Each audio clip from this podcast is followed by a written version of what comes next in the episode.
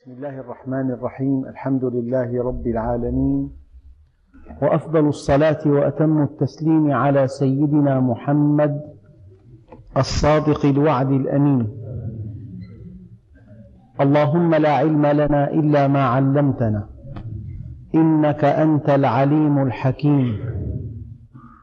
اللهم علمنا ما ينفعنا وانفعنا بما علمتنا وزدنا علما. وأرنا الحق حقا وارزقنا اتباعه وأرنا الباطل باطلا وارزقنا اجتنابه واجعلنا ممن يستمعون القول فيتبعون أحسنه وأدخلنا برحمتك في عبادك الصالحين. أيها الإخوة المؤمنون مع الدرس السادس من سورة طه وصلنا في الدرس الماضي إلى قوله تعالى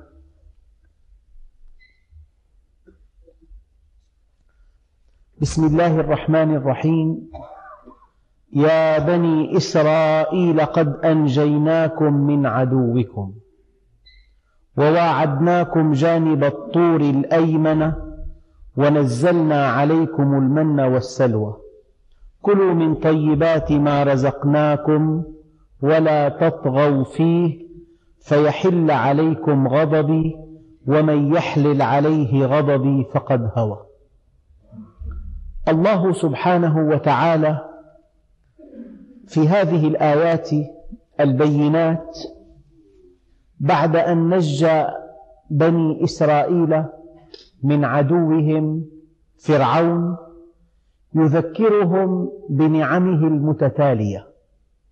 فقال يا بني إسرائيل قد أنجيناكم من عدوكم. ما علاقتنا بهذه الآية؟ ما منا واحد إلا وقد جاءته من حين إلى آخر مصيبة. ربما دعا الله عز وجل فصرفها عنه.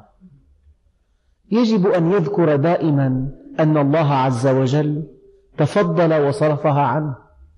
ويجب ألا ينسى فضل الله وألا يعود إلى ما كان عليه. ربما تأتي المصيبة لتعيد الإنسان إلى جادة الصواب. ربما تأتي المصيبة لتعقد الصلة بين العبد والله وربه عز وجل. ربما تأتي المصيبة لتحمل المرء على التوبة. ربما تأتي المصيبة لتزهد في الدنيا.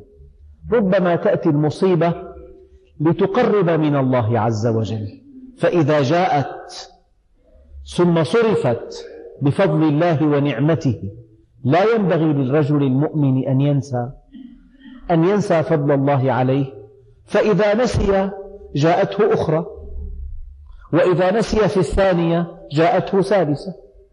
فكأن الله سبحانه وتعالى أراد من هذه الآية أن يذكر المؤمنين على الدوام أنه إذا جاءت مصيبة أو إذا لاح شبح مصيبة فالهدف الكبير أن تقربك من الله عز وجل.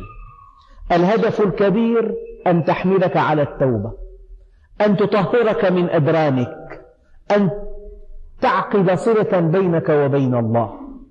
أن تجعلك أهلا لرحمته أن تجعلك أهلا لجنته. فإذا جاءت ثم صرفت بفضل الله ونعمته لا ينبغي أن ينسى المرء لا ينبغي أن يعرض لا ينبغي إذا ذهبت عنه المصيبة أن يعود إلى ما كان عليه.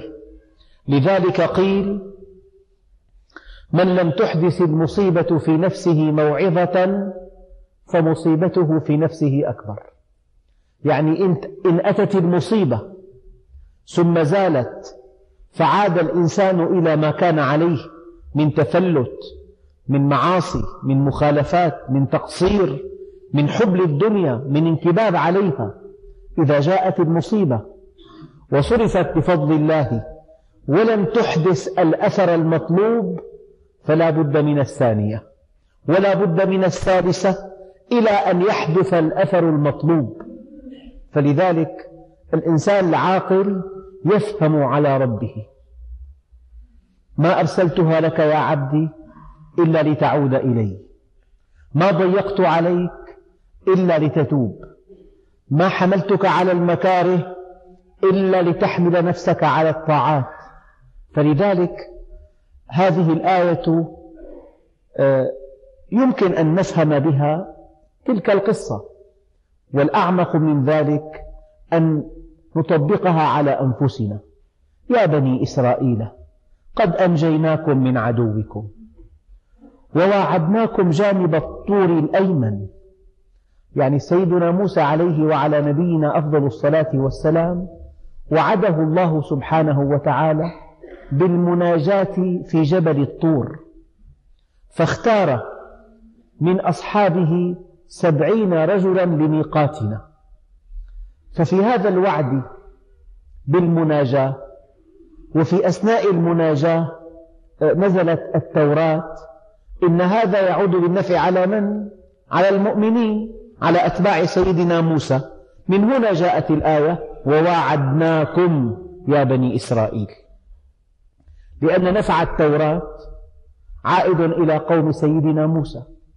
ونفع المناجاة عائد إلى قوم سيدنا موسى فجاءت الآية بصيغة الجمع يا بني إسرائيل قد أنجيناكم من عدوكم وواعدناكم جانب الطور الأيمن. الطور هو الجبل والجبل الذي تمت فيه المناجاة.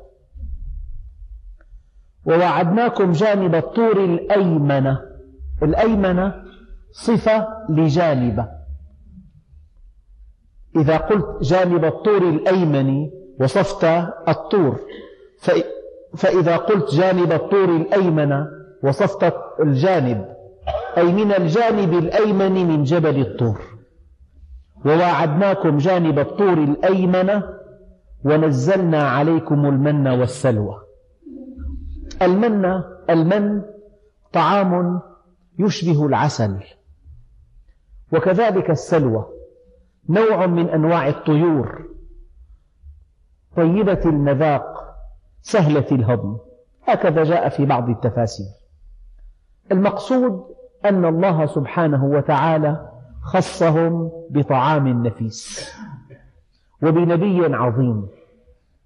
ووعد, ووعد نبيهم في جانب الطور الأيمن بالمناجاة والمناجاة أسبغت على هذا النبي الكريم الصفة الثابتة وهي أنه كليم الله. كلوا من طيبات ما رزقناكم ولا تطغوا فيه. كل من دون أن تطغى من دون أن تفسد الحياة من دون أن تستعلي على الناس من دون أن تأخذ أكثر مما يجب. من دون أن تقصر في الحقوق. كلوا من طيبات ما رزقناكم ولا تطغوا فيه. الطغيان الخروج عن الطريق المستقيم. مجاوزة الحدود. من تجاوز الحدود فهو من الحضرة, الحضرة مطرود. الطغيان أن تأخذ ما ليس لك. الطغيان أن تقول ما ليس لك بحق أن تقوله. الطغيان أن تعتدي على الآخرين. كلوا من طيبات ما رزقناكم ولا تطغوا فيه. إياكم أن تتنافسوا في هذه الطيبات فتأخذوها من طريق غير صحيح تأخذوها من غير حلها تستعملوها في غير ما صنعت له. العنب من الطيبات الطغيان فيه أن تجعله خمرا. فكل مجاوزة للحدود في الكم والنوع وطريقة الكسب وطريقة الإنفاق فهو من الطغيان. فالإنسان إذا اتبع الشرع الحنيف في تعامله مع الأشياء وفي تعامله مع الناس وفي تعامله مع المواد حقق الهدف من وجوده على وجه الأرض. ولا تطغوا فيه لأنكم إن طغيتم فيه انقطعتم عن الله عز وجل. فإذا انقطعتم عن الله عز وجل وقعتم في العمى والشقاء. لقول الله عز وجل فمن اتبع هداي فلا يضل ولا يشقى. لا يضل عقله ولا تشقى نفسه. من اتبع هداي من ترك الهدى الإلهي ضل عقله وشقيت نفسه وأهلك نفسه. فلذلك حينما يطغى الإنسان ينقطع عن الواحد الديان فإذا تم انقطاعه عن الله عز وجل أصبح شقيا شقي بالبعد عن الله عز وجل.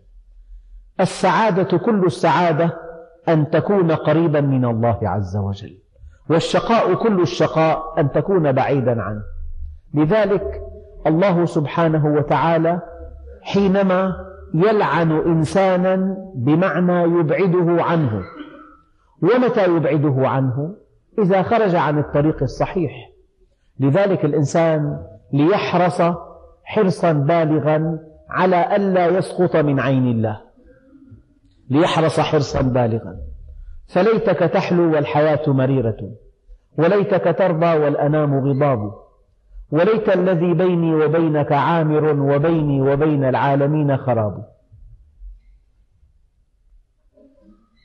إذا صح منك الوصل فالكل هين وكل الذي فوق التراب تراب. لأن يسقط الإنسان من السماء إلى الأرض أهون من أن يسقط من عين الله. طغيانه في الحياة يسقطه من عين الله. اعتداؤه على الآخرين يسقطه من من عين الله. يروى جاء في بعض الكتب أن حجرا عبد الله خمسين عاما فضج بالشكوى إلى الله عز وجل. قال يا ربي عبدتك خمسين عاما ثم تضعني في أس كنيف. فتروي القصة. أن الله عز وجل قال له تأدب يا حجر إذ لم أجعلك في مجلس قاض ظالم. تأدب. أن تكون في أس كنيف أفضل ألف مرة من أن تكون في مجلس قاض ظالم. فالإنسان إذا طغى في أي مجال من مجالات الحياة يغضب, يغضب الله عليه.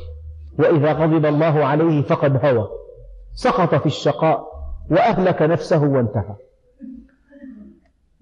كلوا من طيبات ما رزقناكم ولا تطغوا فيه فيحل عليكم غضبي لذلك في الحياة شيئان. إذا كان الله راضيا عنك فأسعد فأنت أسعد أهل الدنيا. وإذا غضب الله عنك لو رضي عنك الناس جميعا فأنت الأخسر في الأرض. لو رضي الناس عنك جميعا لو رفعوك إلى الأوج لو عظموك لو صدقوك إذا غضب الله عنك فهذا الذي يغضب الله عليه قد هوى وانتهى الأمر. فيحل عليكم غضبي ومن يحلل عليه غضبي فقد هوى. من الهوي أي السقوط. ومع السقوط الهلاك ومع الهلاك الشقاء. لذلك آيات كثيرة تبين أنه ومن يطع الله ورسوله فقد فاز فوزا عظيما. لذلك قد أفلح المؤمنون الذين هم في صلاتهم خاشعون. قد أفلح من تزكى وذكر اسم ربه فصلى. وفي ذلك فليتنافس المتنافسون. لمثل هذا فليعمل العاملون. هذا هو الفوز العظيم. وهذا هو النجاح. وهذا هو الفلاح. يا أيها الذين آمنوا اذكروا الله ذكرا كثيرا. وسبحوه بكرة وأصيلا. هو الذي يصلي عليكم وملائكته ليخرجكم من الظلمات إلى النور. ومن يحلل عليه غضبي فقد هوى. سيدنا عمر رضي الله عنه كان يقول عجبت لثلاث عجبت لمؤمل والموت يطلبه. ملك الموت على الأبواب وهو يفكر في آمال عريضة لا تنقضي في عشرين عاما.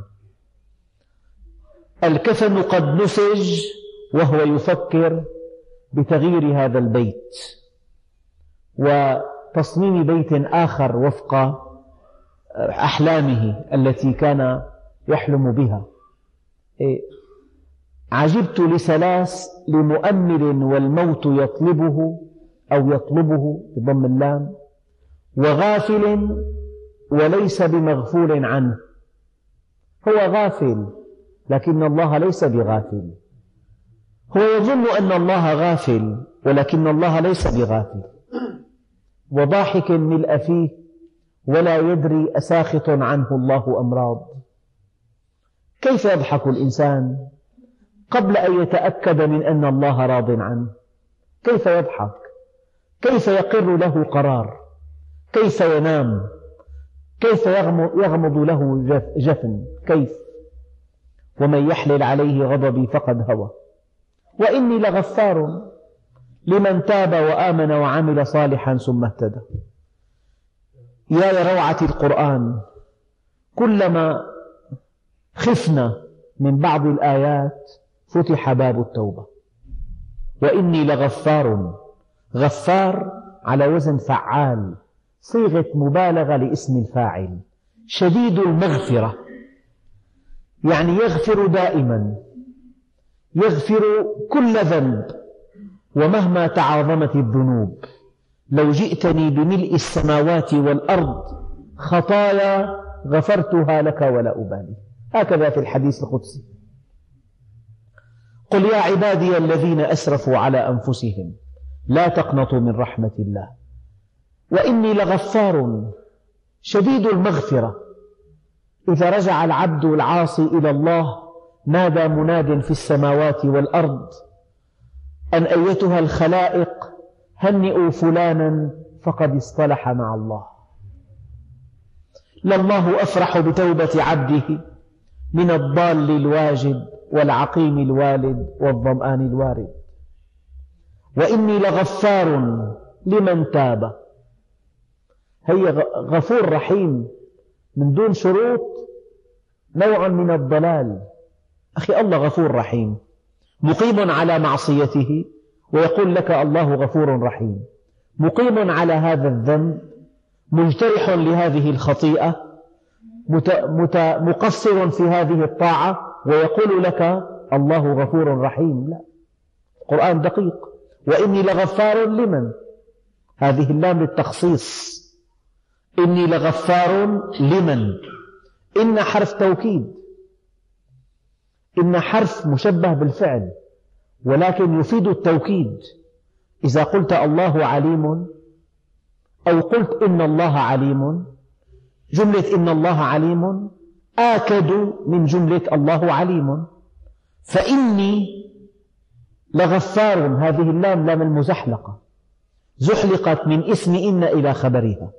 إني لغفار توكيدان. إني لغفار. ولكن لمن؟ هذه اللام للتخصيص. لمن تاب. والتوبة كما تعلمون ندم وإقلاع وعزيمة. ندم على ما مضى وإقلاع عن الذنب في الحاضر وعزيمة على ألا تقع في مثل هذا الذنب ما حييت. هذه هي التوبة. والتوبة تحتاج إلى علم. لذلك الجاهل لا يتوب لا يتوب. ذنب المنافق كالذبابة وذنب المؤمن كالجبل يجثم على صدره. الجاهل لا يتوب أما العالم هو الذي يتوب. لذلك احضر مجالس العلم. كي تعرف أين أنت من الدين. هل أنت في المقدمة في الوسط في المؤخرة؟ هل أنت على الصراط المستقيم؟ أم أنك بعيد عنه؟ كيف تتوب؟ يجب أن تعلم موقعك من الدين. فالتوبة تحتاج إلى علم أولا ومن لوازمها ندم على ما مضى وإقلاع في الحاضر وعزيمة في المستقبل. وإني لغفار لمن تاب. وآمن. هنا بعض المفسرين قال إذا أطلقت التوبة انصرفت إلى التوبة من الشرك. إذا كان, إذا كان هناك تعلق بالسوى اعتماد على ما سوى الله اعتماد عليه. إذا عقدت الأمل على جهة غير الله عز وجل فهذا الشرك يحتاج إلى توبة. إذا وضعت ثقتك في غير الله فهذا شرك ويحتاج إلى توبة. إذا خفت من غير الله هذا شرك ويحتاج إلى توبة. إذا رجوت غير الله هذا شرك ويحتاج إلى توبة. فإذا أطلقت التوبة انصرفت إلى التوبة من الشرك. وسياق هذه الآية يغلب أن هذه التوبة من الشرك. لمن تاب من الشرك بالله وآمن بالله. لمن تاب وآمن وعمل صالحا. ما قيمة الإيمان من دون العمل الصالح؟ إنه كلام فارغ. ما قيمة معتقدك إن لم يترجم إلى سلوك إلى انضباط إلى التزام؟ ما قيمة أفكارك النيرة إن بقيت في الدماغ ولم تنقلب إلى مشاعر وإلى مواقف وإلى أخلاق؟ إذا إلا وإني لغفار لمن تاب وآمن وعمل صالحا. العمل الصالح يشمل تطبيق الأوامر الإلهية في العبادات وفي المعاملات وفي الأخلاق. فيما بينك وبين الله وفيما بينك وبين الناس. في تنفيذ الأوامر والبعد عن النواهي. لذلك قال له عظني قال احذر أن يراك حيث نهاك وأن يفتقدك حيث أمرك. هذه موعظة. وإني لغفار لمن تاب وآمن وعمل صالحا ثم اهتدى. بعض المفسرين حمل هذه الكلمة على الثبات. تاب وآمن وعمل صالحا وبقي كذلك إلى نهاية الحياة حتى عد مهتديا فلذلك لما الإنسان يتوب إلى الله عز وجل يجب أن يعقد العزيمة على أنه يعامل خالق الكون. فهذه التوبة توبة نصوح. تاب إلى الله وانتهى الأمر هو يعامل خالق الكون. هذا الذي ينقض توبته كالمستهزئ بربه. يا أيها الذين آمنوا توبوا إلى الله توبة نصوحا ثم اهتدى يعني بقي على ذلك مستمرا على توبته وعلى إيمانه وعلى عمله الصالح إلى كل حياته حتى عد مهتديا. أما هذا الذي يتوب وينقض يؤمن ويشرك يعمل صالحا ويعمل سيئا هذا ليس مهتديا. فالعبرة من هذه من كلمة ثم اهتدى الاستمرار. أن تكون مستمرا على الهدى مستقرا في الإيمان. إذا يا بني إسرائيل قد أنجيناكم من عدوكم وواعدناكم جانب الطور الأيمن ونزلنا عليكم المن والسلوى. كلوا من طيبات ما رزقناكم ولا تطغوا فيه فيحل عليكم غضبي. ومن يحلل عليه غضبي فقد هوى وإني لغفار لمن تاب وآمن وعمل صالحا ثم اهتدى. الآن بدأت فقرة جديدة في القصة.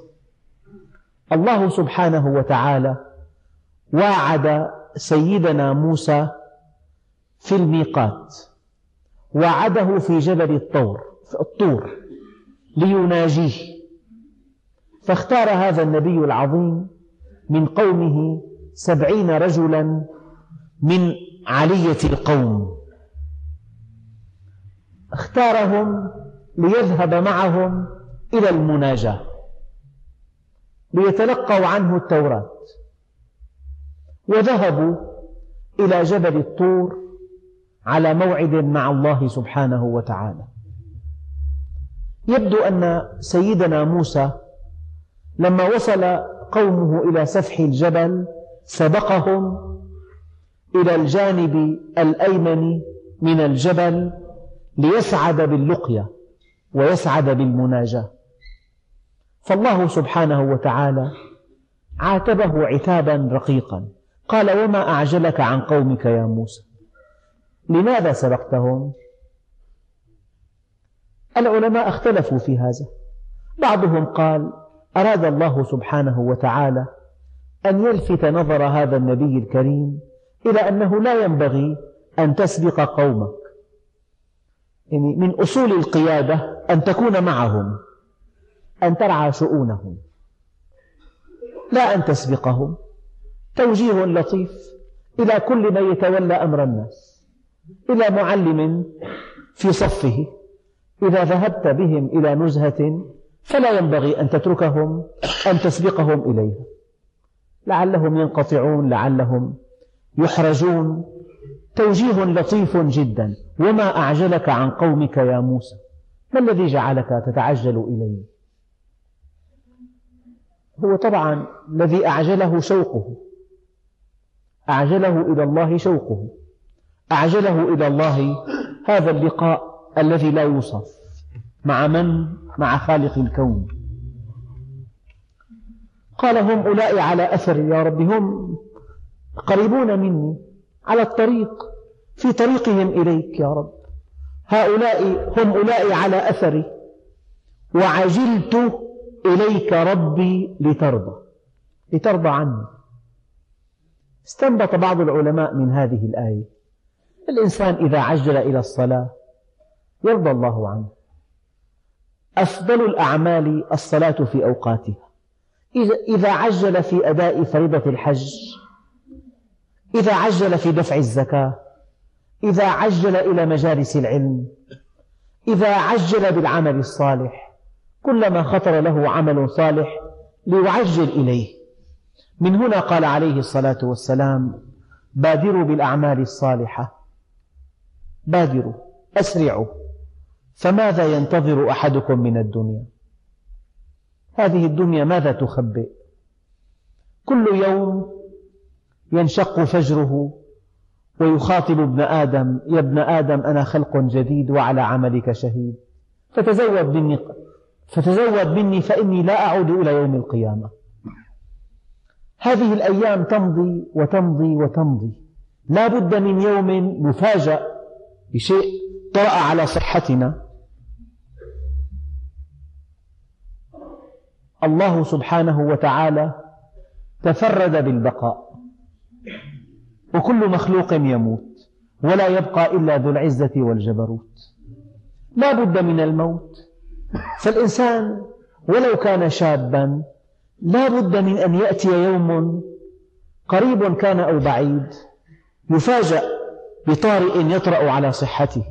فالنبي عليه الصلاة والسلام يقول بادروا بالأعمال الصالحة. احفظ قرآن. تعلم تفسيره. صل قيام الليل. اذكر الله ذكرا كثيرا. احضر مجالس العلم.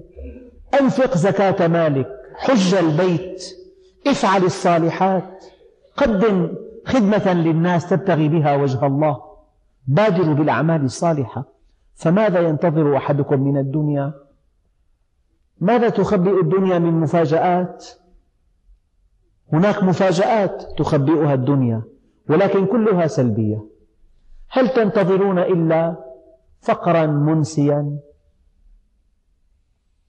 قد تكون في بحبوحة ثم يأتي بعد البحبوحة فقر مدقع قد تكون الأمور ميسرة فإذا بالأمور تصبح معسرة. هل تنتظرون إلا فقرا منسيا أو غنى مطغيا غنى على جهل يجعلك تطغى.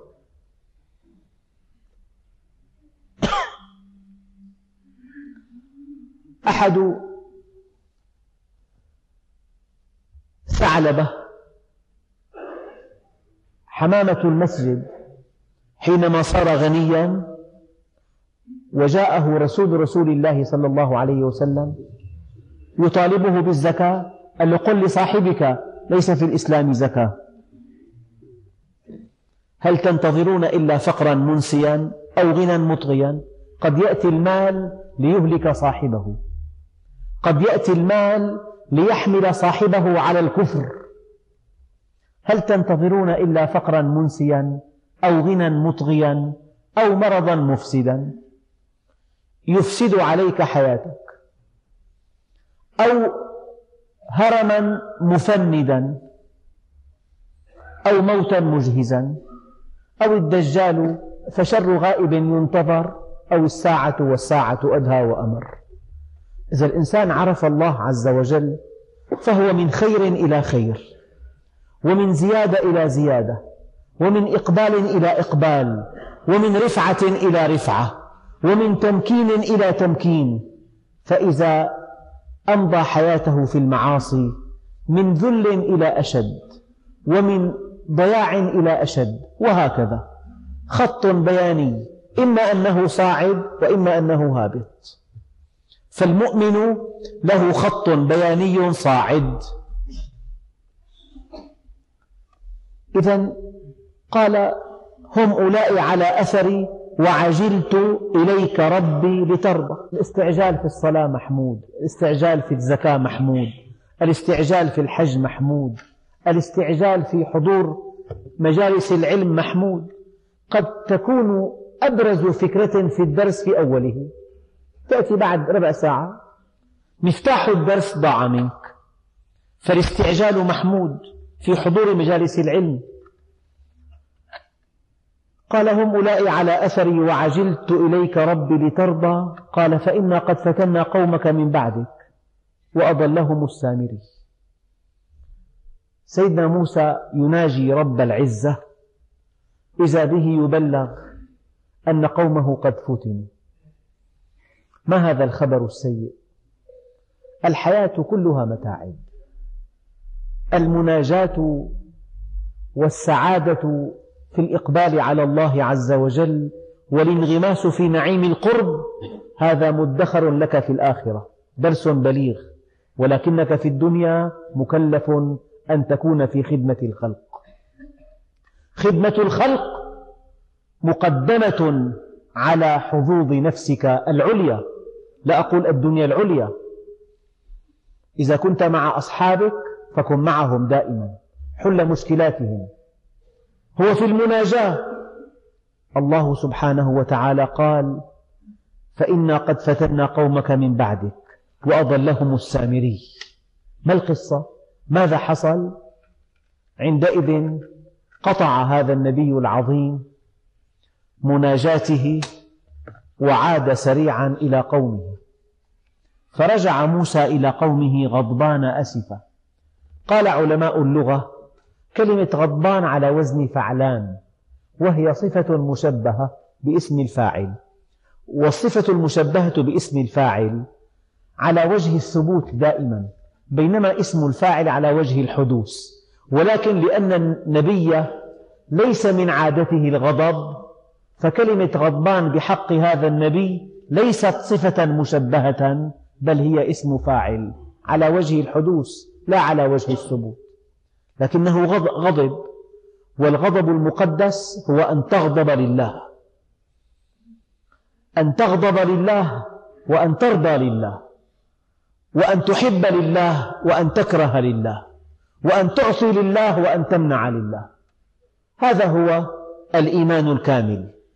لا يكمل إيمان المرء حتى يحب في الله ويبغض في الله ويغضب في الله ويرضى في الله ويعطي في الله ويمنع في الله. غضب لأن قومه قد ضلوا وفتنوا وعبدوا غير الله عز وجل. لذلك ضحى بمناجاته وعاد إلى قومه سريعا. فرجع موسى إلى قومه غضبان أسفا. غضبان على وزن فعلان. صيغة مبالغة لاسم الفاعل كما قلت قبل قليل وهي اسم فاعل لا صفة مشبهة أسف على وزن فعل أيضا صيغة مبالغة كأن تقول حذر. أسف. متأسف على ما حصل. قال يا قوم ثلاث جهات. أولا القوم وثانيا أخوه هارون وثالثا السامري. توجه إلى قومه. قال يا قوم ألم يعدكم ربكم وعدا حسنا؟ أنتم موعودون أن أعود إليكم ومعي التوراة. هذا الوعد ألم تبلغوه؟ ألم يعدكم ربكم وعدا حسنا؟ أفطال عليكم العهد؟ ثلاثون يوم ما تحملتم؟ أشركتم؟ عبدتم غير الله؟ أين عقولكم؟ أم أردتم أن يحل عليكم غضب من ربكم فأخلفتم موعدي؟ ما الذي حصل؟ أردتم أن يغضب الله عليكم؟ أردتم الشقاء؟ أم أردتم أن يحل عليكم غضب من ربكم فأخلفتم موعدي؟ الموعد هو الوعد مصدر ميمي. وعد موعدا. وركب مركبا. فأخلفتم يعني وعدي. قالوا ما أخلفنا موعدك بملكنا. يعني أرادوا أن يعتذروا له إنهم ما أرادوا ذلك لكنهم انساقوا إلى هذا سوقا. اعتذروا له بأنهم ما قصدوا أن يعبدوا غير الله ما قصدوا أن يشركوا بالله لم يبذلوا جهدا ليفعلوا ذلك. ما أخلفنا موعدك بملكنا. يعني بملكنا باختيارنا. لا نملك أن نفعل غير ما فعلنا. ولكننا حملنا أوزارا من زينة القوم. الأوزار جمع وزر وهو الحمل. حملنا أوزارا من زينة القوم. الفراعنة ألقوا حليهم التي كانت معهم فأخذها قوم موسى فأصبحت بكميات كبيرة. أخذوها. حملنا أوزارا من زينة القوم فقذفناها. قذفوها في حفرة وقد أضرموا بها النار لتسيح. فكذلك ألقى السامري. فجاء رجل فتان داهية مراوغ ذو ذكاء خبيث. فصنع من هذه الحلي عجلا جسدا يعني تمثال من الذهب على شكل عجل فرغ داخله فأصبح له خوار. إذا دخلت فيه الريح صار له صوت صفير. فكذلك ألقى السامري فأخرج لهم فجأة. كان بارعا في صناعة الذهب. كان صائغا فأخرج لهم عجلا جسدا له خوار. فقالوا استنبط العلماء أن السامري له أتباع وله أعوان. اتفقوا على إضلال قوم موسى وعلى فتنتهم وعلى أن يزينوا لهم الذهب كإله يعبد من دون الله. فقالوا هذا إلهكم؟ هذا هو الإله؟ الذي ذهب إليه موسى ليناجي. هذا هنا. أصلحه الله. إلى أين ذهب؟ هذا هو الإله. هذا إلهكم وإله موسى. فنسي موسى أن ي... أنه هنا. ذهب إليه وهو هنا. ما هؤلاء الأشخاص؟ ما هؤلاء القوم؟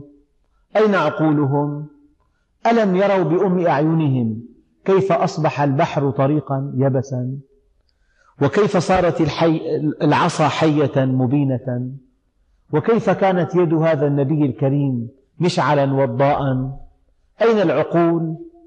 إذا عطل الإنسان عقله أهلك نفسه. كانوا قد عطلوا عقولهم. أخرج لهم عجلا جسدا له خوار فقالوا هذا إلهكم وإله موسى فنسي. نسي موسى أن إلهه هنا. هذا في بعض التفاسير. ربنا عز وجل قال أفلا يرون ألا يرجع إليهم قولا؟ هذا العجل من الذهب الخالص.